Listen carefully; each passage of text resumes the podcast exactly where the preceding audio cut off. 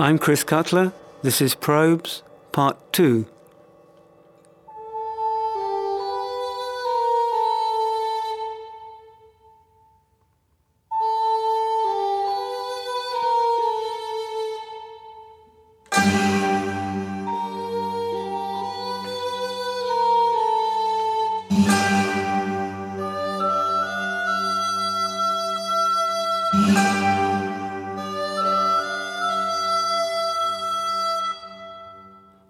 Probes we looked at in the last program were launched from the base of equal temperament, dividing 12 already harmonically compromised semitones into quarters, sixths, and twelfths. The next probe into tuning territory was perhaps more rational, certainly more productive, and it had deeper roots, connecting with an almost universal human practice. Let's be clear. There is a natural objective harmonic series. If you pluck a string, it'll vibrate in a complex but uniform way. And these vibrations produce not only the fundamental frequency of the string, but also a series of overtones. These overtones sound at every frequency generated by whole number divisions of the length. Divide a string in two, and the frequency will double, producing a note one octave above the fundamental. Divide it by three, and the frequency triples, producing a perfect fifth. Divide by 4 and you'll hear a note 2 octaves above the fundamental. Divide by 5, that's a major third. By 6, that's a minor third, and so on. And all these notes sound simultaneously alongside the fundamental, so unless we listen very closely, what we hear is a combined sound as a single rich tone. It's the strength and ratio of the overtones that create the colour of the notes we hear. That's why an oboe, a flute, or a trumpet sound so different from one another. The physical structure of each instrument suppresses or accentuates different parts of the overtone series. The sum of all the harmonics that sound we call timbre, and the higher one goes in the natural harmonic series, the more dissonant the sound appears to Western ears. Although Pythagoras is credited with working out the math, musicians have been instinctively tuning to natural harmonics for millennia. For the most part, choirs and barbershop quartets still do. So why is there a problem?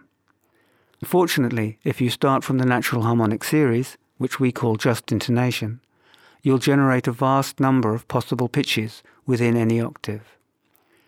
This is because the exact pitch of the harmonic is completely dependent on the fundamental tone. It's like this. If you find the natural fifth harmonic of, say, a C string, that's a G. The natural fifth of that G is a D, and the fifth of that D is an A. And if we proceed in this manner, moving a fifth at a time, we'll pass through E, B, F sharp, C sharp, G sharp, D sharp, A sharp, and E sharp, from which one more fifth will bring us home to C. That's the circle of fifths. On paper, the C we arrive at should be the same, except in a higher octave, as the C we started out from. But unfortunately, in physics, it isn't. In fact, it's a little higher. Not much higher, but higher enough to be inconvenient and audibly dissonant. In pre or non literate practice, this is not a problem because they derived their scales empirically and limited them to notes that were acceptable to their ear.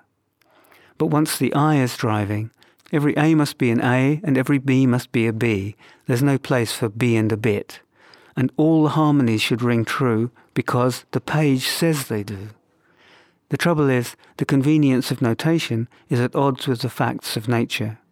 You can either have a scale built out of natural harmonics, or you can have every note identical in every octave, but you can't have both. You could avoid confrontation by writing modally, that is, by staying within one of the accepted seven note scales tuning to make these notes harmonious and avoiding the others. But writers could see the harmonic possibilities on the page, and they wanted those possibilities to work out in the world. What they needed was a universally acceptable tuning compromise, a way to work around the discrepancies. And that's why in the equal tempered scale that we use now, every note except the octave is slightly out of tune. Arriving at this compromise, and others like it, composers gained the consistency and fluidity they craved. And they succeeded in making every note compatible as well as more or less consonant with every other note, which meant that viable transpositions could be made between any key and any other key, but at the price of losing the experience of stable harmonic resonance and of being severely restricted in the palette of available pitches.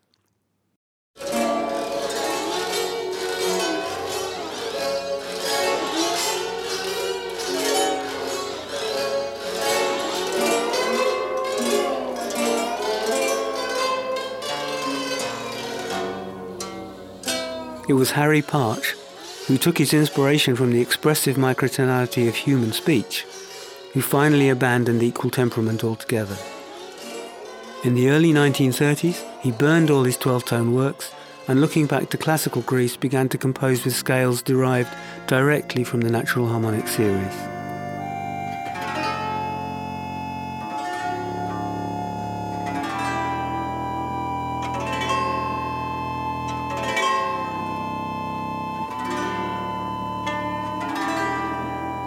Arbitrarily, he chose to stop at the 11th harmonic, which gave him a scale of 43 notes to the octave. Since few conventional instruments can reproduce these scales, he had to design and build his own.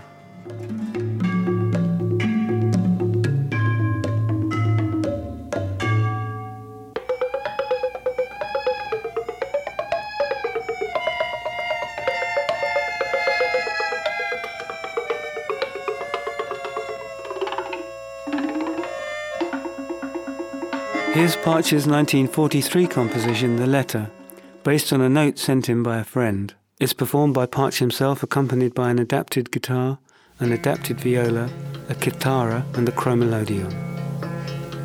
Cincinnati, Ohio, October 2nd, 1935. Hello, pal.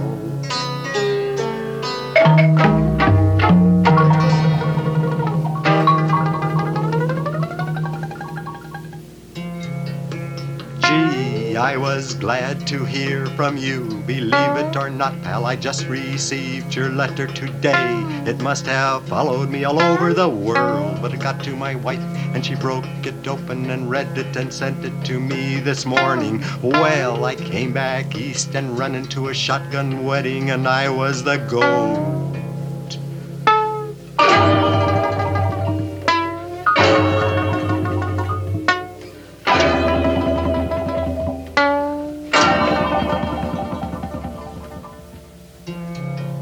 So back on the bum again.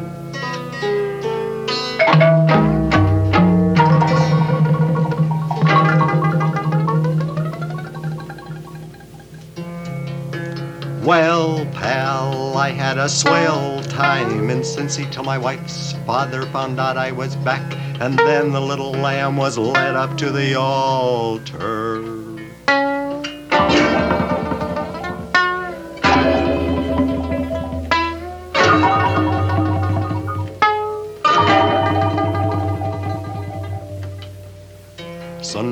I'm just out of jail and feeling fine. And I think I have a job starting the 12th of October. And I truly hope my dear little wife is dead by then.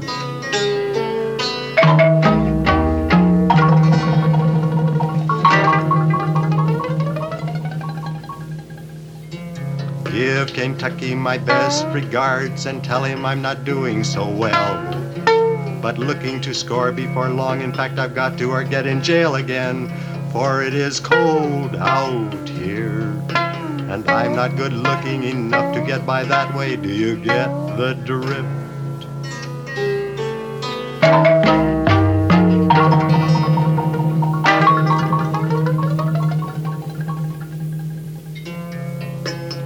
So I'll say good night and good luck hoping to hear from you at once and tell me all the news. Your pal, Pablo. All tuning systems of this type, composed only of pitches whose frequencies are related to one another by ratios of small whole numbers, are called just intonation systems. Potentially there's an infinite number of them, since the harmonic series itself is effectively endless.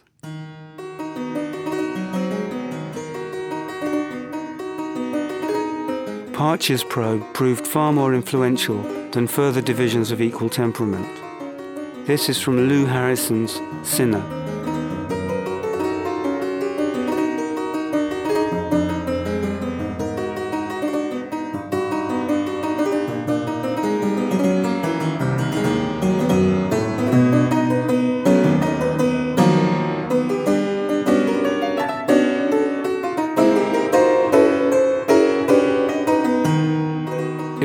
Partch's book that led Harrison to explore the possibilities of just intonation in the early 1950s. Many composers of many orientations have taken the same path since, and by the early 1960s, just intonation had become the alternative tuning system of choice. More than just a probe, it had become a credo in the early form of minimalism that was being explored by a small group in New York, which included Tony Conrad, La Monte Young, John Cale, Angus MacLise, Billy Name, Marian Zazeela, and Jon Hassell, all of whom passed through Young's Theatre of Eternal Music, an ensemble that explored at high volume single or very small collections of perfectly consonant pitches.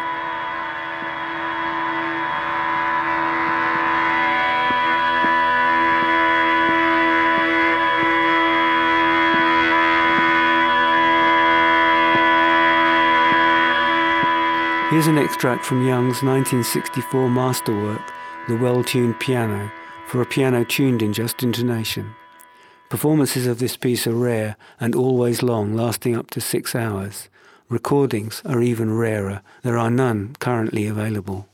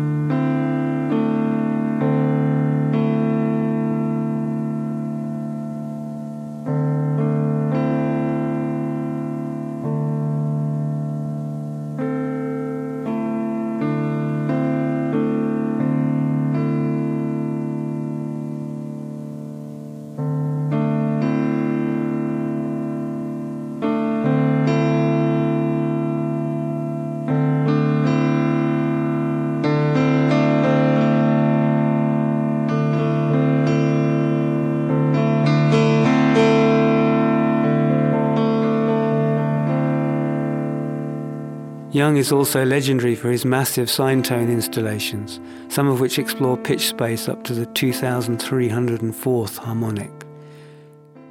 This is by David Seidel, working like Young and here using Young pitch sets.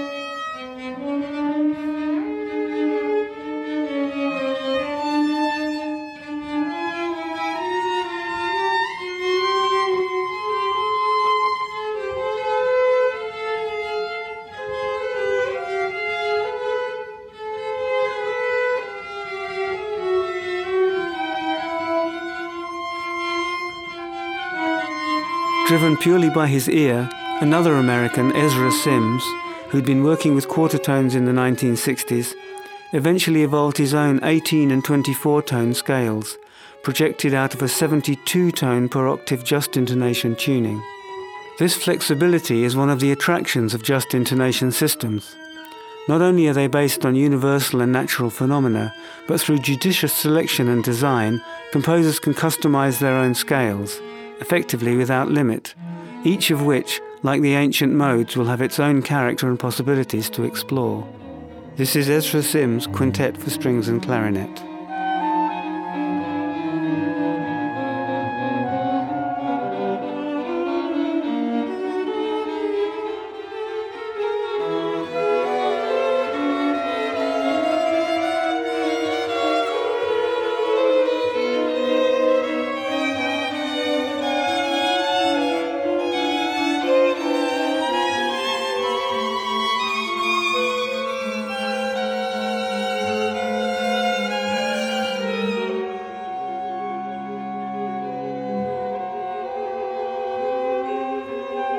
Fullman evolved her long string instruments in Brooklyn in the early 1980s.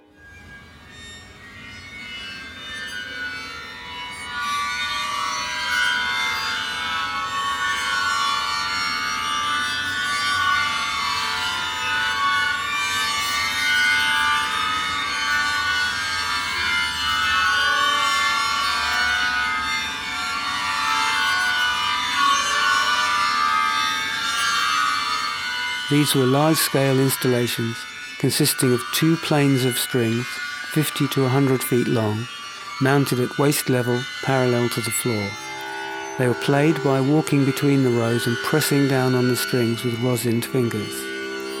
At these string lengths, the natural harmonics become extremely audible, building rich clusters of partials that swell into a chorus of perfectly consonant sounds. To amplify this effect, all the strings are carefully aligned in just intonation.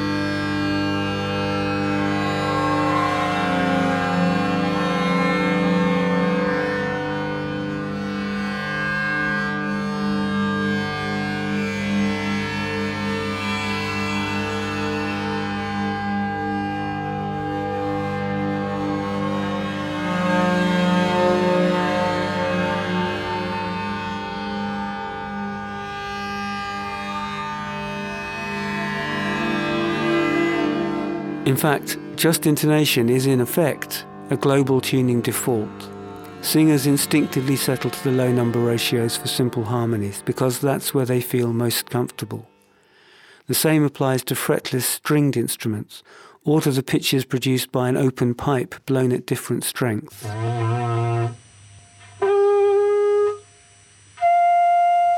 The anomaly is equal temperament. Although in the age of writing, and the eye, it played a vital part in the liberation of the organizational power of stave notation. In the age of recording and the ear, it has become just one of many options. What is new today is how far into the natural harmonic series we are able and prepared to navigate. In a world of constant and complex noise, our ears are changing.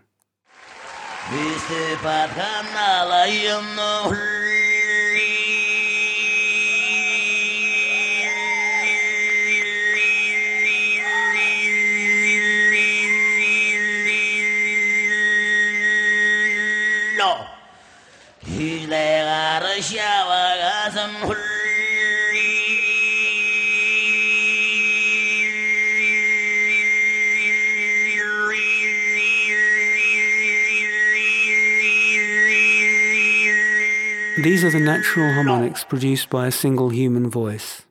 And here are two voices, Natascha Nikeprelevic and Michael Vetter.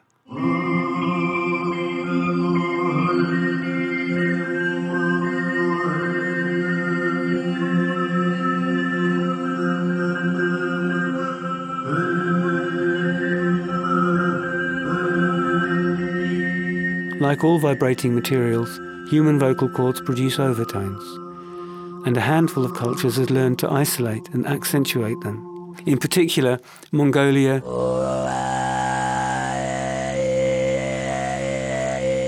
Tuva, and Tibet, although the technique is known in disparate locations around the world. It's a living tradition. Here's some Tuvan pop.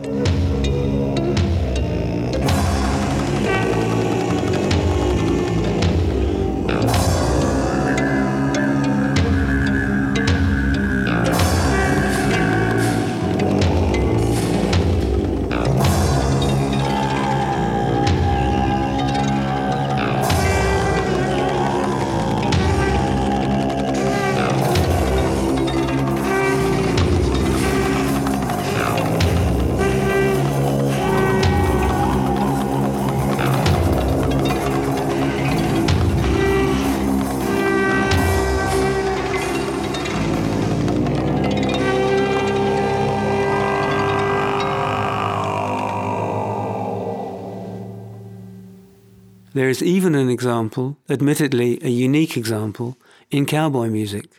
It's worth playing this because it's so unusual. How did Arthur Miles, the Texas cowboy, discover this technique? And what did his audiences make of it? This is Miles's Lonesome Cowboy, recorded sometime in the 1920s. This fellow's name was Tommy Smith, and we had been great chums.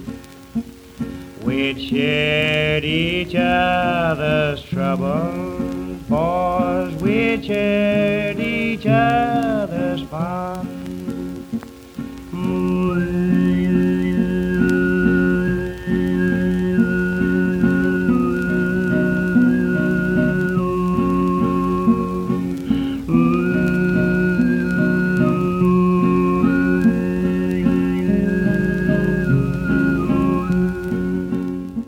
Karlheinz Stockhausen who introduced overtone singing to the European art world. The way he tells it, he stumbled across the technique completely by chance. He was composing late at night and didn't want to wake his children, so he was humming the parts he was writing quietly to himself, and suddenly he began to hear the harmonics. From this insight and a lot of work, he wrote Stimmung, a voice composition based entirely on overtone singing. It was premiered in 1968, and these are its first few minutes.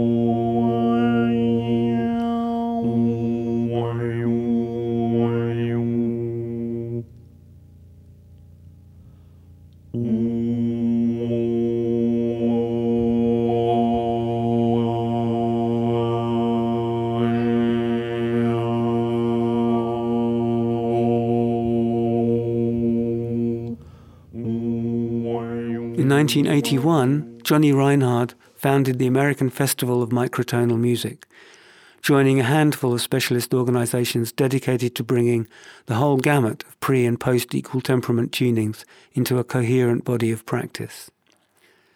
He also established a huge collection of scores, recordings, and theoretical writings that dealt with the minutiae of tuning issues.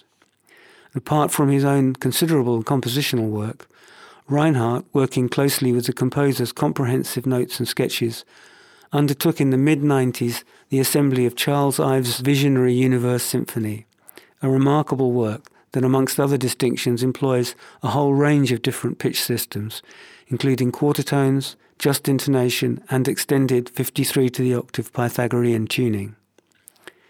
This is from section 4, Prelude Birth of the Oceans.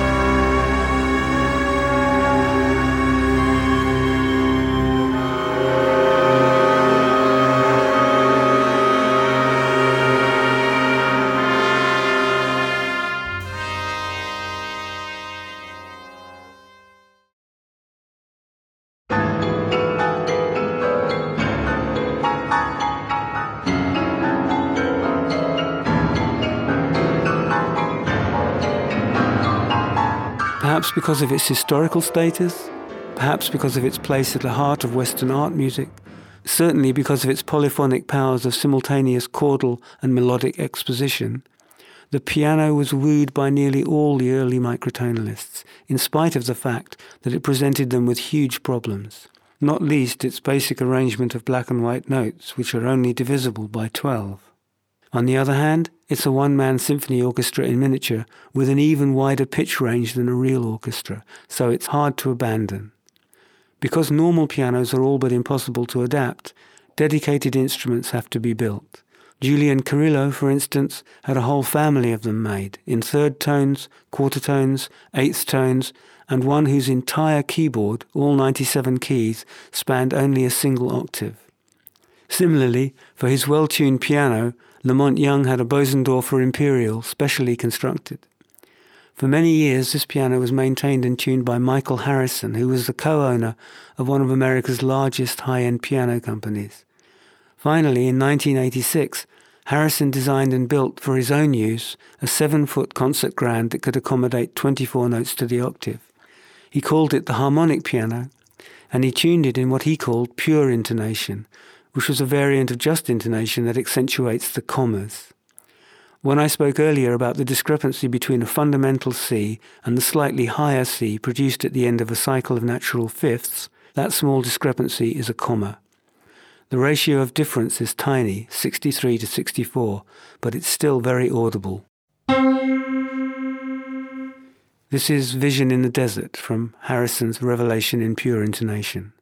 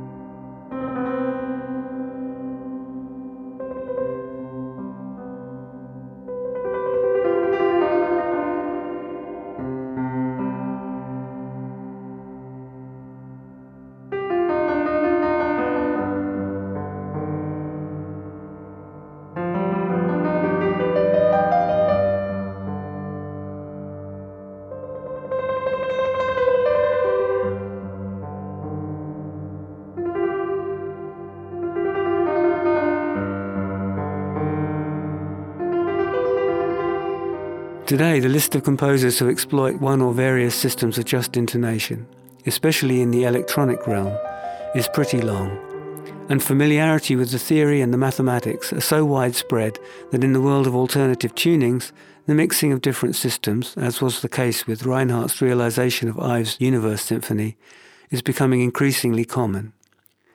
In this extract from Annie Gosfield's Four Roses, three of the cello strings are tuned conventionally, while the A string is tuned to 80 cents flat, that's a little less than a semitone, to create microtonal intervals between the open A and the other strings. The accompanying piano samples, on the other hand, are tuned in a 32 note scale.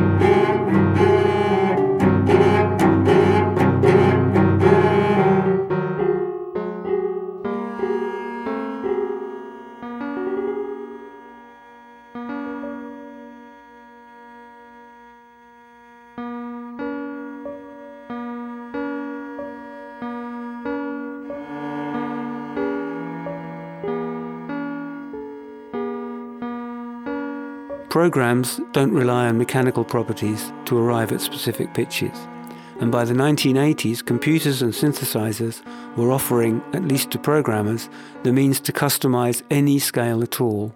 This meant that users no longer had to think of composing as a way of manipulating known sets of pitches, but could instead compose the pitch sets themselves and then explore them.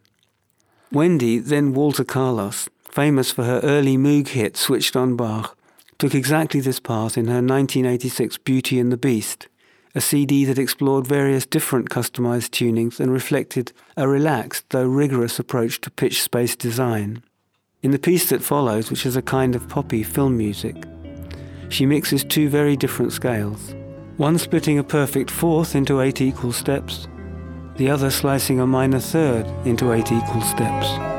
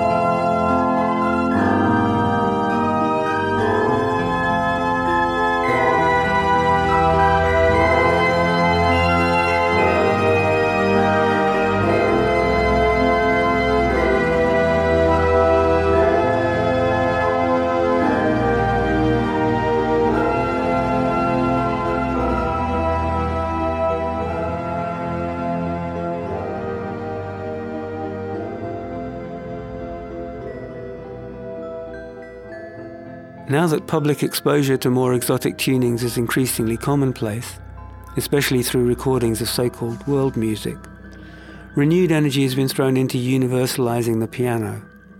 The latest proposition was premiered in the United Kingdom in 2009. Its inventor, Geoff Smith, calls it the fluid piano, and it's an acoustic grand with Koto like movable bridges that can be set to any tuning system at all. It takes no effort and it can be done in real time, before or even during playing. Although the focus is on its compatibility with Iranian and other non Western tunings, it could spark interesting new approaches to pitch manipulation, since it not only offers instant and infinitely variable pitch adjustment, but also for the first time real time portamento on every string. Here are Matthew Bourne and then Utsav Lal finding their way around it.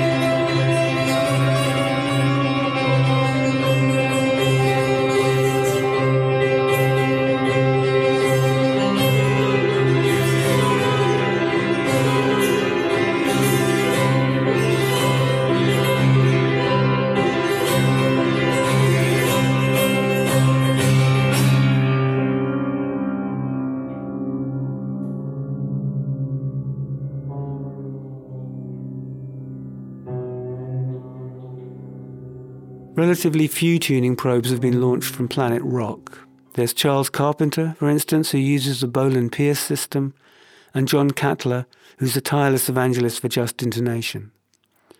I have nothing very remarkable to play, but YouTube is full of rock pieces in different tunings, including demonstrations of electric guitar chords, first in equal temperament and then in just intonation, first with and then without distortion, so that you can contrast and compare. But perhaps because of the nature of the sound, or the nature of the music, so far at least, you do need the comparisons to hear the difference. I'll play the beginning of Joint by Jon Catler. It's not from his rock repertoire, but it's still more rock than art or jazz.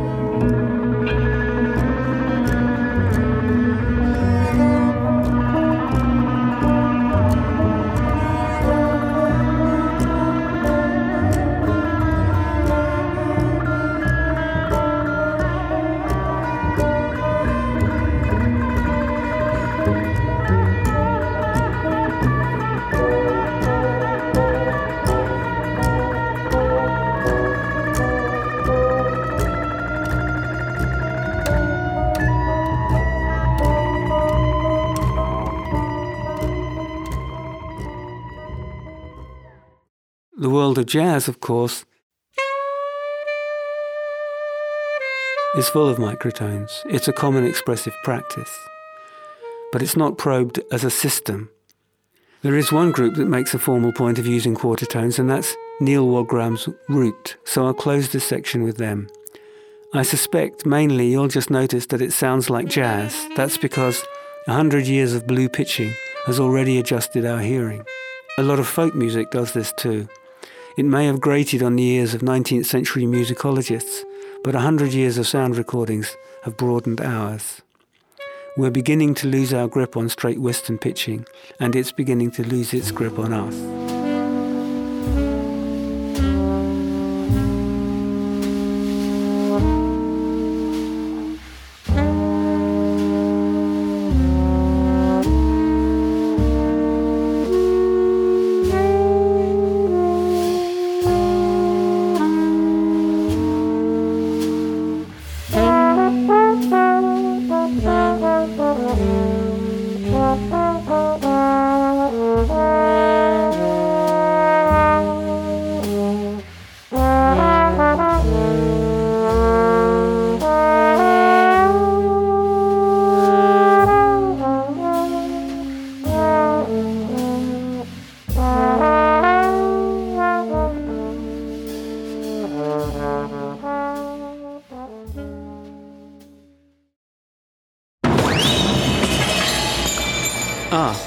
See the time is up. In part three, we'll look at radical glissandi.